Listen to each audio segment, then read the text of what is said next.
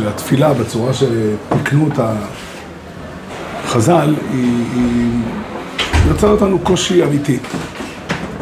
כן? הרעיון של תפילה הוא רעיון מובן במידה כזו או אחרת לבני אדם, ואפשר להבין אותו.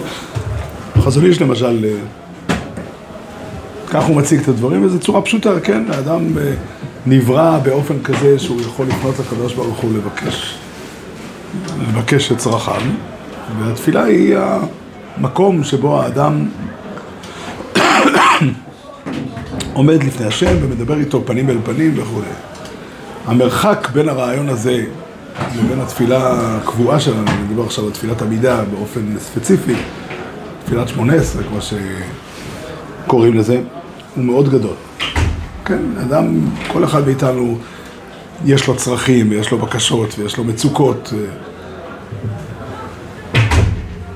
משתנות מתקופה לתקופה, אבל כן, לכל אחד מאיתנו הרעיון לבקש מהשם דברים הוא יכול להתקבל, אבל מכאן ועד לנוסח קבוע שתיקנו חז"ל, לומר אותו שלוש פעמים ביום,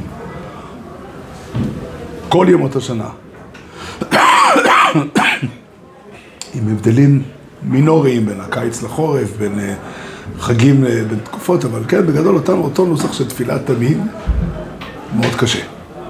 כן, אה, ואני זוכר במשך שנים שניסיתי למצוא את עצמי מבקש את הדברים שאותם חז"ל שמו לפניי. כן, להרגיש שזה מה שאני צריך. יש היגיון מסוים בזה, אבל זה לא עובד. אני חושב שכדי שה... כדי להבין נכון את התפילה וכדי להתקרב אליה, צריכים להתבונן מה באמת, מה באמת רצו כאן. לא חושב שמתקני התפילה אה, רצו לקלוע למטרה, לצרכים של כל אחד ואחד מאיתנו, וזה מה שיצא להם, ואנחנו אה, תקועים ב... כן, עם, מה שהם הכינו לפניהם. יש פה עיקרון אחר. יש פה אירוע שחז"ל אה, העמידו אותו, שהוא תפילת הציבור. כן, התפילה, תפילת שמונה עשרה היא לא תפילת היחיד. אמנם כל אחד ואחד מתפלל את התפילה הזאת לבדו, גם אם הוא לא נמצא במניין, אבל התפילה הזו היא בעצם אה, תפילת הציבור. כנסת ישראל עומדת לפני הקודש ברוך הוא שלוש פעמים ביום, ויש מפגש קבוע. המפגש הזה הוא בעיקרו מפגש של בקשה. וכל אחד ואחד מאיתנו שרוצה לכוון בתפילה, הוא צריך לכוון להצטרף לתפילת הציבור. כן? אם אכן יש לכל אחד מאיתנו או למי מאיתנו בקשות נוספות, יש דבר שנקרא בקשות פרטיות. כן, יש לי דבר שנקרא תחנונים. יש לפעמים אה, עניינים שאפשר אה, לצרף לתפילות, לברכות הקבועות, כן, ברפואינו אפשר להוסיף, ב, יש כל מיני מקומות בתפילה שאפשר להוסיף, אפשר להוסיף בשמה קולנו אה, משהו כללי יותר, ויש גם תחנונים אחרי התפילה. אבל זה פשוט בתכלית להצטרף לתפילה, פירושו להבין מה התפילה באה לעשות, מה התפילה באה לומר, ואז הכוונה יכולה להועיל. אני באופן כללי אגיד הערה גדולה. אנחנו אה, באופן כללי חיים, אנחנו חיים במקום שהכוונות שלנו הן טובות. בגדול. לא אומר שפה ושם יכולות להיות כוונות רעות. כן, אני אביא דוגמה, משל, לא דוגמה. אדם שנסע במכונית מבית וגן ועד לכאן. יכול להיות שבדרך הוא אה, חשב על משהו, אה, איזושהי שאלה שמטרידה אותו. יכול להיות שהוא שוחח בטלפון עם מישהו או עם מישהו שישב על ידו. יכול להיות שהוא שמע שיעור או מוזיקה. סביר להניח שתשאל אותו כמה רמזורים אדומים היו וכמה רמזורים ירוקים היו, הוא לא יודע. נכון? אבל אני יכול להבטיח, בלי, בלי, בלי, בלי לדעת, שהוא עצר בכל רמזור אדום ונסע בכל רמזור ירוק. כן, אחרת, אה, אחרת הוא כבר היה יודע מה, מה קרה. עכשיו, מה הסיבה שהוא עצר? מה הייתה הכוונה שלו כשהוא עצר ברמזור אדום? שתי כוונות. כוונה אחת היא לא לעשות תאונת דרכים, וכוונה שנייה, לא להסתבך עם החוק. זאת אומרת, יש פה כוונה, והכוונה היא ברורה. אני לא מעלה על דעתי שהוא עשה את זה בכוונות אחרות. כן, זה, אלה הם הכוונות. המודעות היא נמוכה. אני לא אומר את זה בביקורת, זה טבעי ונורמלי שדבר שעושים אותו כל יום ובאופן קבוע, המודעות היא נמוכה. כן? אותו דבר, אם נשאל בן אדם מה הסיבה שהוא אה, שומר שבת. כן, אני אומר את זה על עצמי, אני רגיל לקום באמצע הלילה, ללכת לשירותים, ואני, כל פעם שאני קם באמצע השבוע, אני מדליק חשמל. כל פעם שאני קם בשבת, אני לא מדליק חשמל. כי הוא דלוק. מה? כי הוא דלוק. לא, לא כי הוא דלוק, לא, לא כי הוא דלוק, הוא יכול להיות לא דלוק, ואני לא אדליק אותו. למה, למה אני לא מדליק אותו? כי שבת. עכשיו, אה, רמת המודעות שלי לזה היא מאוד נמוכה. אבל הכוונה היא, הכוונה הפשוטה, כן, אני לא מדליק חשמל מסיבה אחת ויחידה. כי השם לא מרשה. אין לי כוונות נוספות. אני לא אומר את זה, שוב, צריך לזכור, זה שהמודעות נמוכה זה טבעי מאוד. אבל מה שכדאי לנו להשקיע זה להעצים ככל האפשר את המודעות. כן, אדם אה, רגיל, אה, הוא ניגש ל, ל, ל, למטבח, יש שם שתי אה, צדדים בבית רגיל שלנו, יש בשרי וחלבי, והוא בוחר אם עכשיו מתאים לאכול אוכל חלבי או בשרי, כן. הוא מברר לעצמו בשניות האם הוא בשרי עכשיו או לא, ולפי זה הוא מחליט אם לשתות קפה עם חלב או לשתות כוס תה. כן, שוב, הכוונה היא הכוונה הנכונה. מה שאפשר לעשות זה להעצים את המודעות. וכדי להעצים את המודעות זה להבין יותר נכון מה אנחנו עושים, מה המשמעות של זה, למה הוא נמצא. וזה דרך שבחלק גדול מהמקרים, שוב, אני לא חושב שיש מציאות אנושית כזו שאדם יהיה תמיד אה, במודעות גבוהה, כן? זה לא, זה לא מציאותי, זה לא אנושי. אבל אפשר במפורש, וכדאי ונכון, להעצים את המודעות. זאת אומרת, לחשוב יותר על השאלה למה בשבת אנחנו לא עושים. מה הסדר של העבודה, של החיים בשבת, מה המשמעות שלו, מה הסדר של התפילה, מהם העקרונות של הכשרות שאנחנו שומרים עליהם, וכן הלאה. עכשיו, גם בתפילה היא חלק מהסדר החיים הקבוע שלנו, והכוונה, הסיבה שאנחנו מתפללים, היא הכוונה הנכונה. כן, זה לגמרי נכון. כן, הרבה אנשים שואלים את השאלה הזאת, מה הערך של אה, לומר מילים בלי כוונה? התשובה האמיתית היא שהאדם שניגש להתפלל, הוא מתכוון להצטרף לתפילה הקבועה של חז"ל, ולומר את מה שחז"ל, מתוך אמון מלא בחוכמה של חז"ל, שהם קבעו את הסדר הנכון, והוא מתכוון לעשות את הסדר הזה. אם רוצים ציור, בוא נגיד שיש איזשהו אירוע חגיגי, שבו מברכים איזה נדיב שבא לישיבה, שתורם לישיבה הרבה כסף. ומכבדים אחד מתלמידי הישיבה לקרוא את הנוסח שישבו והכינו אותו בתשומת לב, חשבו על כל מילה, מה להגיד שם. כן, לא שם, שום מילה לא נמצאת שם אה, במקרה. עכשיו, האדם שקורא את המילים, האם הוא מרוכז בכל מילה במשמעות שלה? האם הוא צריך להיות מרוכז? לא. הכוונה שלו היא במפורש, לשבח, לברך, להודות. את מה שצריך להגיד עבור, עבור התורם. כן, ממש באותו אופן, זה הכוונה, הכוונה להתפלל היא כוונה מלאה. ראיתי שרבי נחמן כותב שהוא פעל בשמיים שתפילה בלי כוונה לא מועילה. צר לי לומר שחז"ל כבר פעלו את זה. כן, חז"ל אמרו שהכוונה היא לא מעכבת. עכשיו, למה? למה הכוונה לא מעכבת? כי הכוונה הכללית, העיקרית, היא עיקר הכוונה. מאוד מאוד כדאי להעצים את המודעות. להעצים את המודעות, הכוונה להיות יותר ערני למה שאנחנו עושים בשעת התפילה. למשמעות של זה, למשמעות של כל אחת מהברכות, למשמעות של... ובשביל זה אנחנו עושים את מה שאנחנו עושים, יושבים ועסוקים בללמוד כדי להעצים את המודעות, וזה יכול להעלות את התפילה שלנו לרמה אחרת לגמרי. אבל מי שמצפה לקבל בתפילת עמידה משהו אחר ממה שתקנו חז"ל, זה לא ילך. כן, אם אדם רוצה להתפלל באופן אישי לפני השם, זה צריך להיות במקום אחר. שוב, אפשר לעשות את זה באמצע תפילת שמונה עשרה, בבקשות, אה, במה שנקרא, שחז"ל קראו לזה בקשת צרכים, אה, כן, אה, להוסיף בקשות, תחנונים, כן, זה נקרא בשם של זה בחז"ל. אבל הנוסח של התפילה הקבוע לא נועד בשביל לבטא את הרגשות האישיות שלך, אלא הוא נועד כדי לאפשר לך להצטרף, צריך לשים לב לגודל הדבר שאנחנו עושים בתפילת עמידה. כמו שכשהקדוש ברוך הוא בחר בעם ישראל וקראתי את הברית אחרי יציאת מצרים במעמד הר סיני, קראתי את הברית, הברית הזאת נקראת בשפה של חז"ל במשנה, יום חתונתו זה יום מתן תורה, זה מתן תורה, אחר כך נבחר, אה, מיד אחר כך, נצטווה משה רבנו להקים את המשכן, שהוא בהשתלשלות מאוחרת יותר, בית המקדש שעומד בירושלים, והוא מקום השראת השכינה. והשראת השכינה היא תוצאה ישירה של הברית של סיני. כן? ממש כמו שהתוצאה הישירה של החתונה שעושים באולם, זה שאחר כך בני הזוג הולכים לגור באותו בית. זה לא שני דברים שאין להם קשר, כן? זה פשוט, פשוט לחלוטין. באותו אופן, השראת השכינה במשכן ובמקדש היא תוצאה ישירה של הברית שנכרתה בסיני. בית המקדש שנבנה בעקבות הברית נחרב לפני 2,500 שנה. אני מדבר עכשיו על חורבן הבית הראשון. בערך, אני לא נכנס לחישוב המדויק של התאריכים, זה לא הנושא שלנו כרגע. כן, מאז ועד היום, השראת השכינה מתקיימת בתפילת הציבור. זה פירוש המילים תפילות כנגד תמידים תקנו. חז"ל הבינו שחורבן הבית הראשון והקמת הבית השני לא היו, אה, בעצם הקמת הבית השני היא לא החזרה מלאה של בית המקדש כמו שצריך להיות. עם ישראל לא חזר לארץ ישראל, השכינה לא חזרה לבית שני כמו שהיא הייתה אמורה להיות. חז"ל אומרים, ראויים היו ישראל שיעשה להם נס בביאה שנייה כמו בביאה ראשונה, אלא שגרם החטא. גרם החטא אומר אחסם ספר. זה שונה, רש"י במקום מפרש גרם החטא שחטאו לפני החורבן, שהיה כל כך גדול שלכן לא חזרה השכנה, ככה רש"י מפרש. אבל אחסם ספר מפרש, זה נראה יותר קרוב לפשוטם של דברים, גרם החטא שלא עלו לארץ.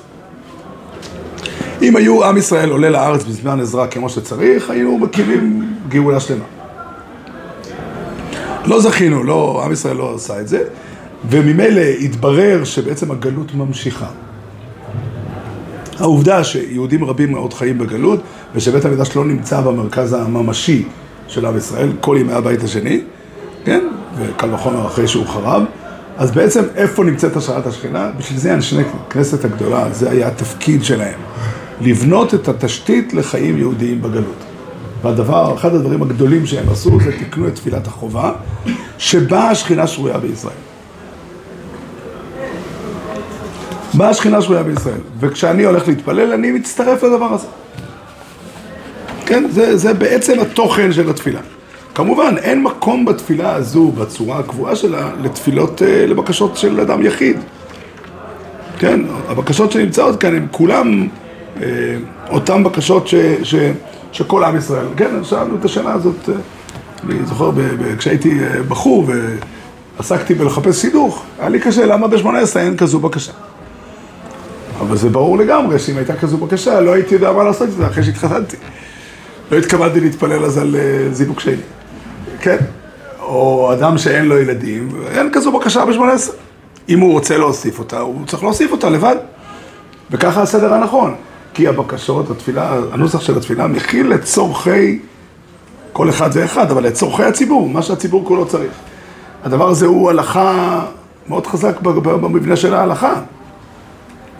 כן, הגמרא, הזכרנו את זה כאן שבוע שעבר, הגמרא במסכת ברכות אומרת שאם שני אנשים הלכו להתפלל בבית הכנסת ואחד חזר והשאיר את חברו לבד, בימים שלהם, בימיהם בית הכנסת היה מחוץ לעיר והייתה סכנה להישאר שם, אני חושב שהכוונה היא אה, פיקוח נפש. אבל אה, לא, יכולת, אה, יכולת לא, לא טוב להישאר שם. אדם שחזר, טורפים תפילתו בפניו.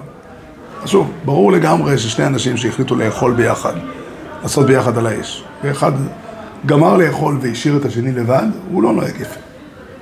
אבל לא זה מה שהגמרא אומרת כאן. הגמרא אומרת שיש פה פגם בתפילה. כי אם אתה מתייחס לתפילה שלך כתפילת יחיד, טורפים תפילתו בפניו. כן, המעמד של התפילה הוא מעמד שהקדוש ברוך הוא יורד לקבל את התפילה שלך. אז למה אין ברכה, לא כל מי שצריך שידור, שיהיה לו שידור. עדיין זה צריך... יש, אם אתה רוצה, יש. שמע קולנו, השם אלוקינו, קבל ברחמים וברצון את תפילותינו, ואפשר גם לצרף. אבל עוד פעם, אני מתכוון בעיקר לזה שאם אתה רוצה להצטרף לתפילה הזאת ברצינות ולעשות אותה ברמה גבוהה, אז אתה צריך להבין מה התוכן של התפילה, מה המשמעות של הדבר, ובהתאם לזה להצטרף. אדם שינסה למצוא בתפילה תפילת שמונה עשרה, את, הנוס, את הביטוי של רגשות ליבו, לא ימצא. מה עוד משמעות בשלוש פעמים ולא בפעם אחת ובשבע פעמים? אתה שואל שאלה טובה, יש, מסתבר שיש משמעות, אבל התוכן של התפילה העיקרני לא תלוי בשאלה הזאת. זאת אומרת, כאילו, אתה יכול לשאול טוב למה שלוש פעמים ביום ולא חמש פעמים ביום. התשובה, בפשטות התשובה היא כי, זאת אומרת, היום, היום זה תפילות כנגד תמידים תקנו. כדרך שבכל אה, יום הקדוש ברוך הוא ציווה שעם ישראל כולו יעמוד לפניו. שוב, בתמיד אנחנו מאוד מאוד מבינים את זה. שהתמיד שמקריב הכהן, הכהן הזה הוא שליח של העם. לו יצויר שתזדמן לי אפשרות להקריב את קורבן התמיד במקדש. יש כמה בעיות טכניות, הערבים שם, אני לא בטוח שהם כל כך יאהבו את זה. אבל בוא נגיד שהצלחתי לפתור, אני השגתי, הצלחתי לתת שוחד לאיזשהו אה, מישהו בוואקף ו- ו- ואפשרתי לסדר את זה. יש גם כמה שאלות הלכתיות עם הדבר הזה. פתרתי אותם, ואני אומר לכם, זה לא מסובך יותר מדי. נהייתם כהן? מצאתי כהן אחר שיעשה את זה בשבילי. כן. הקורבן הזה הוא קורבן בטל. למה? כי הקורבן אמור להיות קורבן של העם. ההלכה הפסוקה אומרת שהקורבנות קרבים ממחצית מחצית השקל. למה? העשיר לא ירבה והדל לא, לא ימעיט, כי הקורבן לא יכול להיות קורבן של אדם אחד. כן, תחשבו שאדם יתרום לבית המקדש את המנורה, ויגיד, אני רוצה שעם ישראל יקריב וידליק את הנרות במנורה שלי. לא ייתכן. ובלבד שימסרם יפה יפה לציבור. כן, עם ישראל יכול להקריב קורבנות, עם ישראל יכול, אין, יש, קורבן, יש קורבנות יחיד. בתוך המציאות של בית המקדש, יש גם מקום לאדם יחיד להקריב קורבן, ויש לזה, כן, את המקום שלו. אבל את הסדר הקבוע של העבודה הוא עבודת הציבור. וכתוב בתורה במפורש שהקורבנות שמקריבים כל יום, קורבן התמיד, הוא הסיבה להשראת השכינה. אתה רוצה להביא שנייה את התנ"ך? כך כתוב בתורה, בפרשת תצווה, התורה מספרת, אומרת ש, שאחרי שהם גומרים לכתוב את, את, כל ה, את כל בניין המשכן לפרטיו, ואת קורבנות ה... את קורבנות המילואים, אז כתוב, וזה אשר תעשה על המזבח כבשים ושנה שניים ליום תמין, יש בו את הפירוט, עולה תמיד לדורותיכם בטח אוהל מועד לפני השם, אשר יוועד לך שמה, לכם שמה, לדבר אליך שם. ונועדתי שמה לבני ישראל ונקדש בכבודי. במילים אחרות, סדר העבודה הקבוע של קורבן התמיד, שעושה כהן, אחד הכהנים עושה את זה. לא אחד, עושים את זה כמה כהנים, אבל כאלה כהנים שהיום המשמרת שלהם. על ידי זה השכינה שורה בישראל באופן כללי. באותו אופן, התפילות שהן כנגד מדין תקנום, הם הדרך להשראת השכינה בעולם. זה בית המקדש שקיים בגלות. זה, זה בעצם, זה לא עיקר המושג תפילה. זו תפילה שחז"ל תיקנו, אז זה כנגד... כן, התפילת העמידה שלנו, אתה רוצה להיכנס לא, עכשיו לסוגיה. בסוף זה עבודה שבלב, אם אני בעצם... לא, זה שעתיים ביום עבודה לא שבלב, יכול זה. ודאי עבודה שבלב, כי הדיבור הוא ביטוי לאיזשהו מחשבה או רגש של אנושי, לא רגש כן, זה לא אישי. ביטוי, זה לא רגש אישי ולא ביטוי לשום מחשבה, כשאני לא, בעצם עושה לא, מה שאמרו לי. לא. אם אדם היה אומר לך, אתן לך למשל, אם אדם היה אומר לך, תשמע, אני עם ישראל, לא מעניין אותי. השראת השכינה לא חשובה לי. אה, ביקשת שאני אתפלל, אמא שלי רוצה שאני אתפלל. בסדר, אני עושה. צורך חיוני הוא יצא ידי חובת מצוות תפילה. אבל הצורה שאנחנו מדברים זה אדם שאומר, אני, תשאל בן אדם, אתה רוצה, למה אתה מתפלל? כן, מאוד חשוב לי להתפלל, למה אתה לא מתפלל את התפילות שלך? כי חז"ל אמרו להתפלל ככה. הכוונה היא, הוא רוצה בלב מלא לקיים את, את הדבר הזה. זה עם כל הלב. זה עם כל הלב. עוד, עוד ציור לזה. תאר לעצמך שיש איזשהו אה, אדם שעוזר לי, נותן לי כסף מדי פעם. אמרו לי, תשמע, הבן אדם הזה מחתן את הבן שלו. החתונה קורית באוסטרליה, אני צריך לכתוב לו מכתב ברכה. יש בעיה שאני לא יודע לכתוב אנגלית, והוא צריך לכתוב לי מכתב באנגלית. אז אני ביקשתי ממישהו שיכתוב עבורי את המכתב, ואני חותם. אני יודע בדיוק מה הוא רוצה לכתוב לו, כן? הוא רוצה לכתוב לו שאנחנו מאוד שמחים בזה שהבן שלו מתחתן, ומאחלים לו נחת מהילדים, ושלזוג יהיה הצלחה בחיים, וכן, את כל הברכות הטובות. אני גם הוספתי דברי שבח מתאימים וכולי. לכל מילה התכוונתי. אני לא יודע להבין את המילים שכתובות שם. אז תגיד לי, האם המילים האלה מבטאות את רגשות ליבי? כן. במפורש כן. יש מצב שלא, יש מצב שאני אגיד לך, אתה- הטמבל הזה תכתוב בשבילו כמה מילים, ו... אבל אז זה באמת לא לעניין. אנחנו יודעים שבעולמנו שלנו אפשר לעבוד על אנשים ולכתוב להם מכתבי ברכה שאני לא מתכוון אליהם. עם הקודש ברוך הוא זה לא עובד. מי שעובד עליו לא מצליח לעבוד עליו. עבודה שבלב זה עבודה אמיתית ולא עבודה. אבל אם אני לא, אם אותו גביר ידע שאני לא הבנתי כל מילה ואמרתי למישהו בעברית מה אני רוצה שהוא יגיד והוא כתב את זה באנגלית, הוא יקבל את זה בסבר פנים יפות, הוא יבין את ההקשר. כן, מאוד נכון, זה מאוד טבעי. האם יותר טוב שאני גם יחווה בשעת התפילה את הכוונות? כן, ודאי. וזאת הסיבה שאנחנו מדברים פה. אנחנו מדברים פה כדי להעצים את המודעות שלנו במה שאנחנו עושים. עכשיו, אני רוצה עוד, עוד דבר להגיד. אה, אני חושב שככל שנבין יותר נכון ונהיה ערניים יותר למשמעות של זה, יהיה לנו יותר קל לכוון גם. אומרת, אדם שמחפש באירוע מסוים את מה שקורה שם, יכול למצוא אותו. אבל אדם שמגיע לתפילה ויבקש למצוא בתפילה, לא יודע בדיוק מה, אה, שיעור בספר דרך השם לרמח"ל. הבעל התפילה שחוזרת חזרת הש"ס לא מוסר שיעור בעיון. הוא לא עושה את זה ולא תוכל למצוא את זה בדבריו. אם תנסה למצוא פלפולים במה שהוא אומר וכולי, אולי תמצא, אבל זה, זה זר. זה לא הכוונה. כן, אני ראיתי אה, יהודי חשוב בירושלים, קראו לו הרב יהודה מועלם. מראשי ישיבת פורת יוסף, ראיתי, הדפיסו חוברת שלו על תפילה. אז הוא אומר שהרבה אנשים משתמשים בתפילה כזמן ללימוד. כאילו הם לומדים את הסידור. הוא אומר, לא, זה לא, זה לא הדבר הנכון. אם כן, צריך ללמוד לפני התפילה, כדי להבין נכון את התפילה, כדי לכוון. הזמן של התפילה, כן, מי שינסה ללמוד באמצע התפילה, הוא, קוראים לזה היום שימוש חורג. כן, זה לא, זה לא תקין. כן, לא יודע אם זה אסור, לא, לא זה הנושא שלי, אבל זה לא, זה לא מתאים.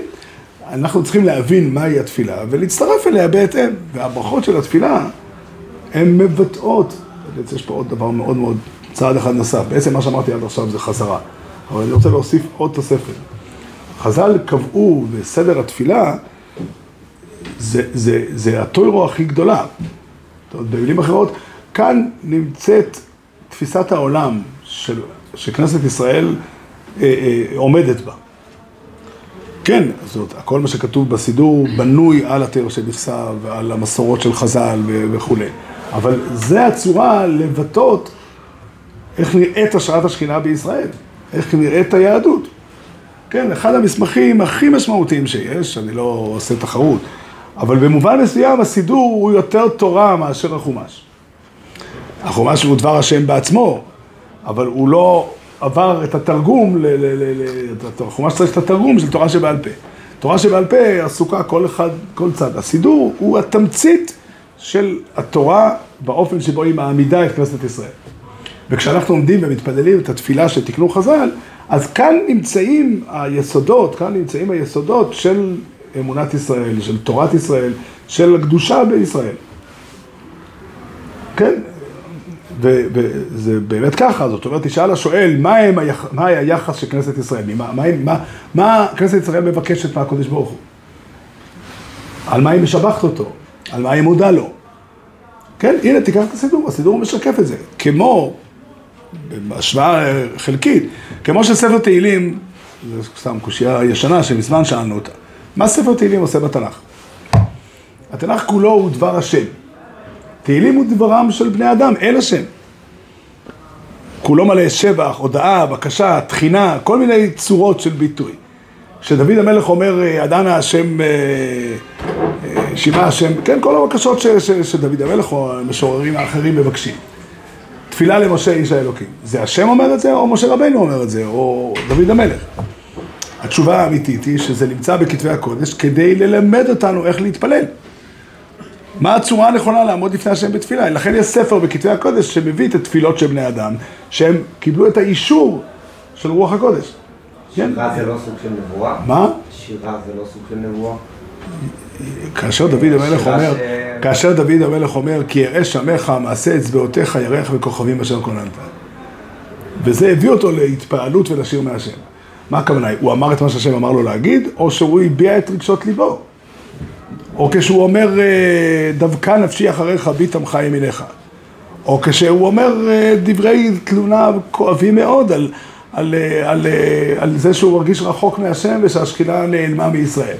על נהרות בבל, שם ישבנו, גם בכינו. אלה הם דברים של בני אדם. יש להם מקום בכתבי הקודש, כי ישאל השואל האם נכון להגיד כזה דבר? יכול אדם להגיד לך תיאורטית, האדם אמור אה, לקבל את מה שהשם עושה, בלי להתפלל, בלי לבקש מהשם לשנות. יש מקום רק לשבח ולהודאה. לא, ספר תהילים מלמד אותנו שיש מצבים שאדם עומד לפני השם והוא זועק, אנא, תשנה את המצב. האם נכון, ל, ל, ל, יש, יש דברים קשים וחריפים בספר תהילים, האם יש מקום ליהודי לומר כזה דבר לפני השם? התשובה היא כן, מאיפה אני יודע? זה בעצם המקום של ספר תהילים. באותו מובן, לנו כאן במובן שהמושג של לקרוא תהילים על הסדר, מעלים כל מיני מורים, ולא רק את המזמור שעכשיו אתה מרגיש מחובר אליו, כי מתחברים למה ש... כן, אבל ספר תהילים לא נאמר, לא ניתן בשביל להגיד אותו. יש ללמוד את ספר תהילים. אבל אני לא יודע, לא, לא נכנס לשאלה, זו שאלה מעניינת, אני לא יודע, לא יודע מה מקור המנהג הזה, כמה הוא ותיק ועתיק וכולי, אנשים שאומרים את ספר תהילים כולו כסדר. בבית שלי עושים את זה, לא, זה לא, לא רחוק מדי. אבל אה, כן, הרבה מאוד עושים את זה בעם ישראל, אני לא יודע מה המקור של זה, ואני לא, לא, אישית, לא תמיד. היו תקופות שאמרתי ספר תהילים, הייתי לומד את ספר תהילים. הייתי מגיע למזמורים מסוימים והייתי מאוד אה, מתרגש בהם, אבל מזמורים אחרים התבוננתי ולמדתי אותם, כן? כמו שאני לא חושב שאדם יכול, אה, איך אומרים, אומרים תהילים ביום החופה לפני החתונה, להגיד את קהילת איכה, זה לא מתאים. כן? דרך אגב, היה אצלנו הכנסת ספר תורה בבית הכנסת, והוציאו, בין השאר, כשרקדו, הוציאו גם את ספרי הנביאים ואת ספרי המגילות לרקוד איתם. והוציאו גם את מגילת איכה. אני חשבתי שזה לא מתאים לרקוד עם מגילת איכה. אבל אה, לא, בסדר, לא ניכנס לוויכוח. אה, אמרתי לגבאי שלדעתי זה לא מתאים. שומע, בסדר, הוא מתווכח איתי, אני מוכן לשמוע. אבל אני רוצה לחזור לנושא שלנו, הסידור הוא תמצית התורה שבעל פה.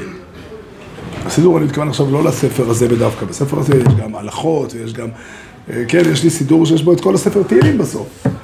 כן, יש, אה, אבל אני מדבר על הסידור, על תפילת המידה שתיקנו רבותינו, תיקנו חז"ל, הם בעצם העמידו את האופן שבו השכינה נמצאת בישראל. וזה תכלית התורה. וזה תכלית התורה. אני רוצה להתייחס בעיקר כרגע לברכה הראשונה, שהיא בעצם משקפת, הברכה הראשונה בנויה, היא נקראת ברכת אבות, והיא מתארת את תשתית הקשר, תשתית החיבור שלנו להשם. זה הדבר. הרב אומר שזה תמצית, אז למה זה לא טוב ללמוד? לא. על שם מישהו. התשובה היא, צריך ללמוד את הסידור, וזה מה שאנחנו עושים עכשיו, כדי שאחר כך נוכל להתפלל בו. כמו שאדם ש... איך אני אתן דוגמה? לבשל זה, זה מקצוע, נכון? אבל כשאדם יושב לאכול, אין לי בעיה עם זה שתוך כדי אוכל הוא יטעם וינסה לשחזר, האם שמו פה פלפל חריף או שמו פה אה, אה, מלח ודבש או סילן. אבל עיקר הכוונה של האוכל היא לא ללמוד איך לבשל את זה, אלא ליהנות מהאוכל. התפילה, המעמד של התפילה לא נועד בשביל עכשיו ללמוד, אלא בשביל עכשיו, אה, עכשיו להתפלל.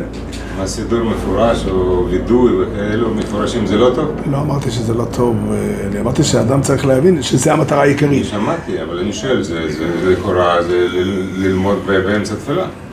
אם אדם יכול, אין לו, אין, אם אדם יש לו דרך להתפלל בלי ללמוד עכשיו, אלא להתרגש מהתפילה, אז זה נכון יותר מאשר עכשיו להסתכל, אה, בפרט, אתה יודע, חלק מהמפרשים של הסידור עסוקים בלפרש את המילים הנרדפות ואת המשמעות של כל אחת מהן. יש משמעות לכל מילה, אבל אה, כן, ו- ומה השורש של המילה וכן הלאה. אה, כן, זה, אני רוצה, אבל מה שעכשיו אנחנו עושים זה במפורש לא להתפלל. עכשיו אנחנו, עכשיו אנחנו עסוקים בללמוד. והברכה הראשונה של תפילת המידה, שחז"ל גם אה, להלכה נתנו לה מקום מיוחד, שהכוונה מעכבת בה, היא משקפת את תמצית הקשר בין הקדוש ברוך הוא לבינינו. והיא בנויה על הדבר הזה, כן? תוספות שואל במסכת ברכות, יש כלל ידוע שכל ברכה צריכה שם ומלכוס. שואל תוספות, למה אין מלכות ב-18? כן? כל הברכות האחרות זה ברכה סמוכה לחברתה. כן? אבל הברכה הראשונה שפותחת בברוך, היא לא פותחת במלכות, השם אלוקינו ואלוקי אבותינו. התוספות עונה תשובה אחת, ויש תשובה אחרת בספרים, ב... אני לא זוכר כרגע, ראיתי כמה פעמים את התשובה האחרת. התשובה של התוספות עונה, והיא גם יסוד גדול, שאלוקי אברהם זה מלכות. זאת אומרת, אברהם, יצחק ויעקב, בעיקר אברהם, הוא זה שהעמיד בעולם ובירר בעולם את שם השם. ובירר באיזה אופן השם הוא אלוקי השמיים ואלוקי הארץ, או קונה שמיים וארץ. ואברהם הוא זה שעליו אנחנו נשענים בבירור האמונה. כן, הוא, הוא השורש של החיבור בין הקדוש ברוך הוא לעם ישראל, כן? בצורה הזאת, כשמשה רבנו עומד בסנה והוא שואל את הקדוש ברוך הוא, וכי יאמרו לי מה שמו אמו אמר עליהם, במילים אחרות, מי הוא האלוקים שלנו? אז התשובה היא, הוויה אלוקי אביסיכם, אלוקי אברום, אלוקי יצחוק ואלוקי יעקב. זה שמי לעולם וזה זכרי לדור דור. למה זה מלכות מה שאלוקינו? אלוקינו, שהוא אלוקי אבותינו. זאת אומרת, במילים אחרות, אני מצטט רש"י במקום אחר, רש"י אומר את זה בשירת הים, על הפסוק אלוקי אבי. לא אני תחילת הקדושה. הקדושה נמצאת בידינו מאברהם אבינו, וזה מיסודות היהדות. אז למה זה? זה גם מה? מלכות, שני מלכות. כן, כן. אה, מה שהוא אומר, שיש יש ברכה, יש צורה רגילה של ברכה, שהיא לא עסוקה בקשר שלי עם הקדוש ברוך הוא. שאני מברך שהכל, או אני מברך בורא פרי הגפן, או אני מברך אה, על רעם או על ברק, ושם צריך להגיד אלוקינו מלך העולם. שזה בעצם אה, תיאור של מציאות השם כמו שהיא, ויש צורה שעושים שם ומלכות ב-18, שם אני מדבר על האופן שבו ממני, ממנו, יש, כאן אנחנו עסוקים בחיבור, לא ב... זה מפגש של קשר. המפגש של הקשר נשען על זה שאבינו אברהם ובעקבותיו יצחק ויעקב העמידו בעולם את נוכחות השם והם יצרו בעולם את המציאות של, את הגילוי של, של שם השם ואליהם אנחנו מצטרפים, הוא אלוקינו מפני שהוא אלוקי אבותינו. ופירוש, התשובה אחרת לקושייה של תוספות שב-18 זה סוג אחר, זה לא ברכה רגילה. זה עוד יותר, כן, אנחנו עסוקים לא באופן שהוא מלך העולם, אלא עסוקים בזה שהוא אלוקינו ואלוקי אבותינו. זאת אומרת, במילים אחרות, זה מאוד מאוד משמעותי. הברכה הזאת כולה מתארת את הקשר בין הקדוש ברוך הוא לעם ישראל. יש פה אמונה יסודית, יש פה ביאור והבנה יסודיים מאוד, שהם א' ב' של אמונת ישראל, כן? הקשר שלנו עם הקדוש ברוך הוא, ההישענות שלנו עם הקדוש ברוך הוא, ההבטחה שלו לדאוג לנו, קיימת. והקדוש ברוך הוא עדיין גומל חסדים טובים, עדיין זוכר חסדי אבות, עדיין מביא גואל לבני בניהם, למען שמו. הדבר הזה הוא אה, אה, החיבור של הקדוש ברוך הוא לעם ישראל, אלינו, הוא תמצית עניינו של השם בעולם. כן, אנחנו אומרים בתפילת ראש השנה, ויאמר כל אשר נשמה באפו, השם אלוקי ישראל מלך ומלכותו בכל משלה. הלשם כותב על זה, שאם כל העולם יגיד השם אלוקים מלך ומלכותו בכל משל, אז זה יהיה חסר. צריך להגיד השם אלוקי ישראל מלך. אני סיפרתי כאן עם הרב יואל שוורץ, שבוע שעבר.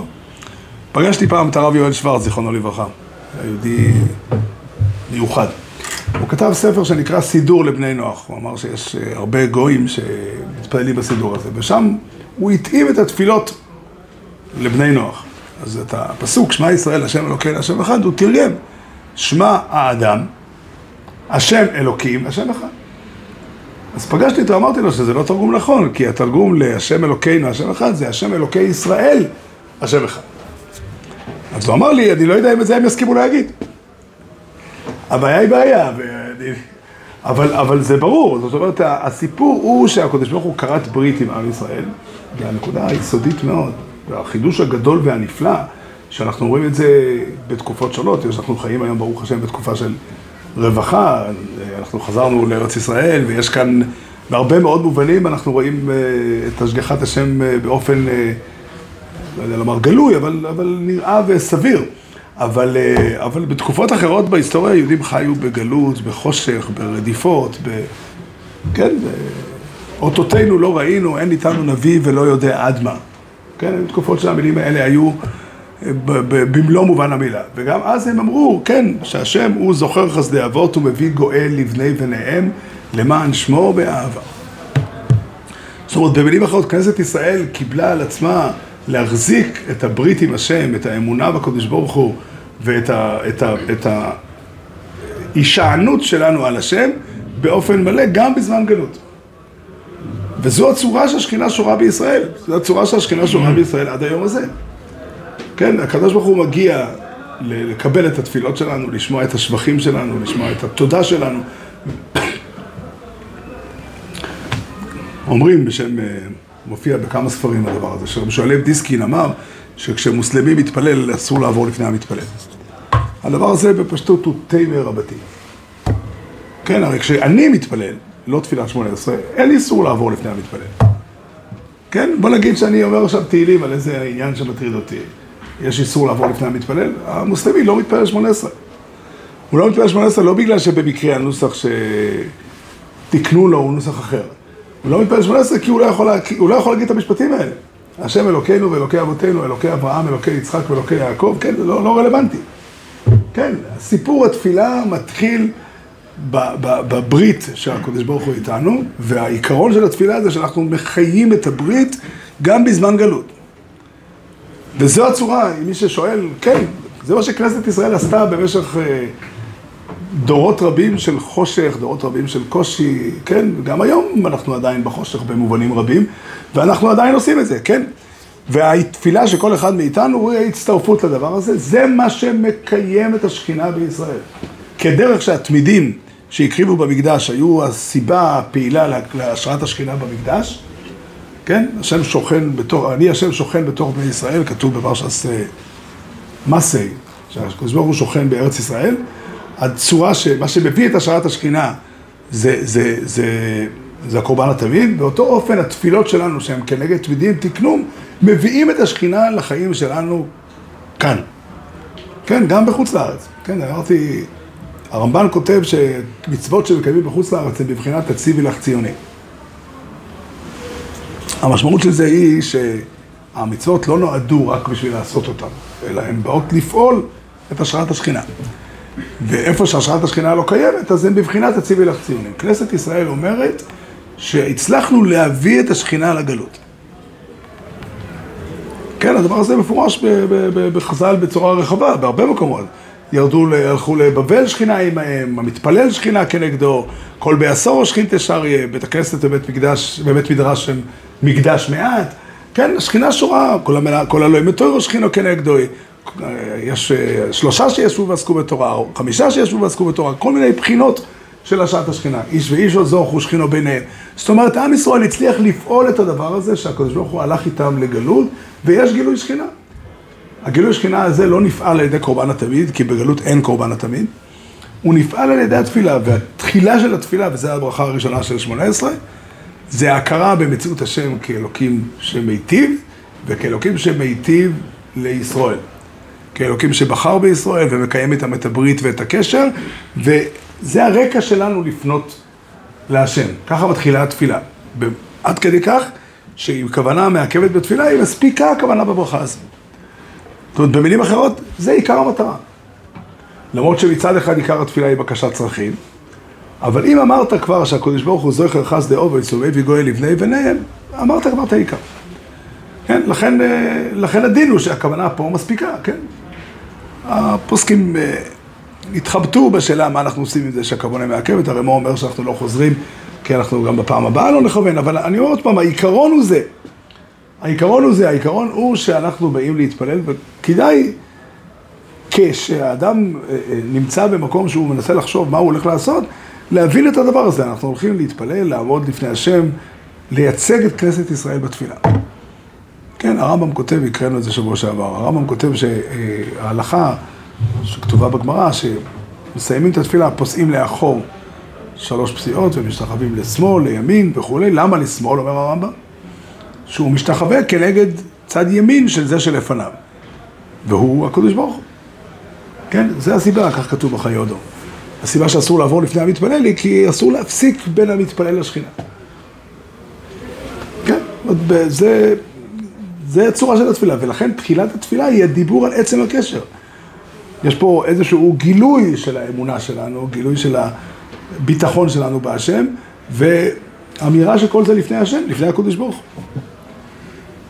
כן, זה, זה התוכן של התפילה, ו, ושוב, יש פה איזושהי תפיסה, אדם יכול, אה, יש אנשים בעולם שמאמינים בהשם, ויש להם תפיסות אחרות, חלקיות, לא בהירות כל כך. המטרה של התפילה היא להעמיד בהירות ב- ביסוד אמונת ישראל, שהוא הברית של הקדוש ברוך הוא עם עם ישראל, וזה גם מחייב, צריך, צריך לומר את הדבר הזה, שאין אפשרות להתפלל, תפילת שמונה עשרה, תפילת עמידה, בלי לראות את עצמי כחלק מכלל ישראל. הרמב"ם כותב בהלכות תשובה, הרמב"ם כותב שהפורש בדרכי ציבור, אף על פי שלא עבר עבירות. לצורך העניין הוא אפילו מקיים מצווה חסד. כן, הוא עוזר לכל יהודי שצריך. אבל הוא לא, איך אומר הרמב"ם? ורואה את עצמו כאילו אינו מהם. הרי זה אין לו חלק לעולם הבא. זה לא... היה מעשה שהייתי מעורב בו עם אדם התגייר וטען שהוא מתגייר לתורה, ל- ליהדות, לא לעם היהודי. הוא אמר, הוא אמר בציניות, מבחינת העם היהודי נשארתי אנטישמי. והעניינים התגלגלו שהוא עזב בסוף את הדרך וכולי, והייתה שאלה של גט. בית הדין של רב ניסים פסק שהוא לא צריך לתת גט. שאפשר להתיר אותה בלא גט, כי הגרות הזאת היא לא גרות. חושב שזה פשוט, אין, אה, אין, אין, אין, אדם לא יכול לקיים את הברית בלי להיות חלק מעם ישראל. יש אה, דרגות בזה, אני לא אה, צריך ללכת לקולה בשביל, כדי לפסוק, להוציא בן אדם מכלל ישראל, צריך להגיע לדרגה רחוקה. אבל חלק מהעמידה בתפילה זה להיות חלק מהמציאות של כלל ישראל, כן? אדם שמבין נכון, מבין שזה הצורה שהשכינה שורה.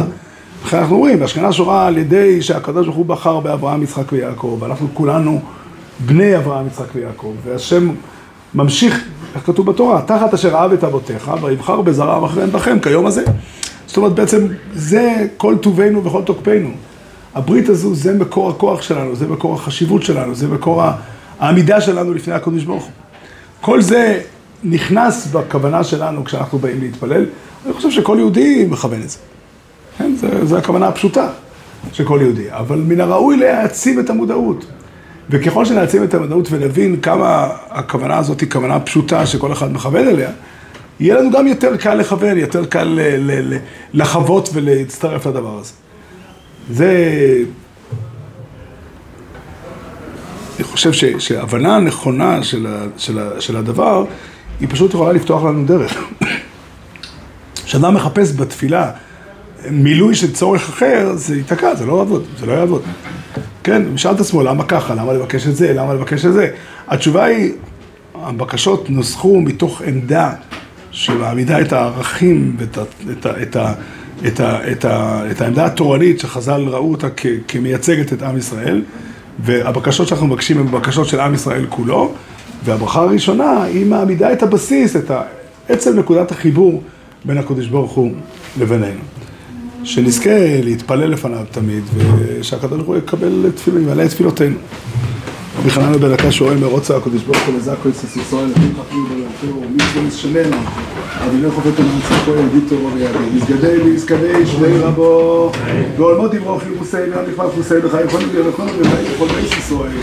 בגולו בזמן קוראים ואמרו עומד, שמי שמי רבו מנומח לעולם ולעולמי עולמיו. יסבורך וישתבח ויספר וישרומם ויסנסי ויסדור ויסלם ויסלול שמי דקודשו בריחו. לאילו מכל בכוסם אשר עושה תשבור עשה מלך המסודה מירון ועולמו ואמרו עומי על ישראל ועל רבנו ועל תלמידיון וכל תלמיד וסמידון וכל מן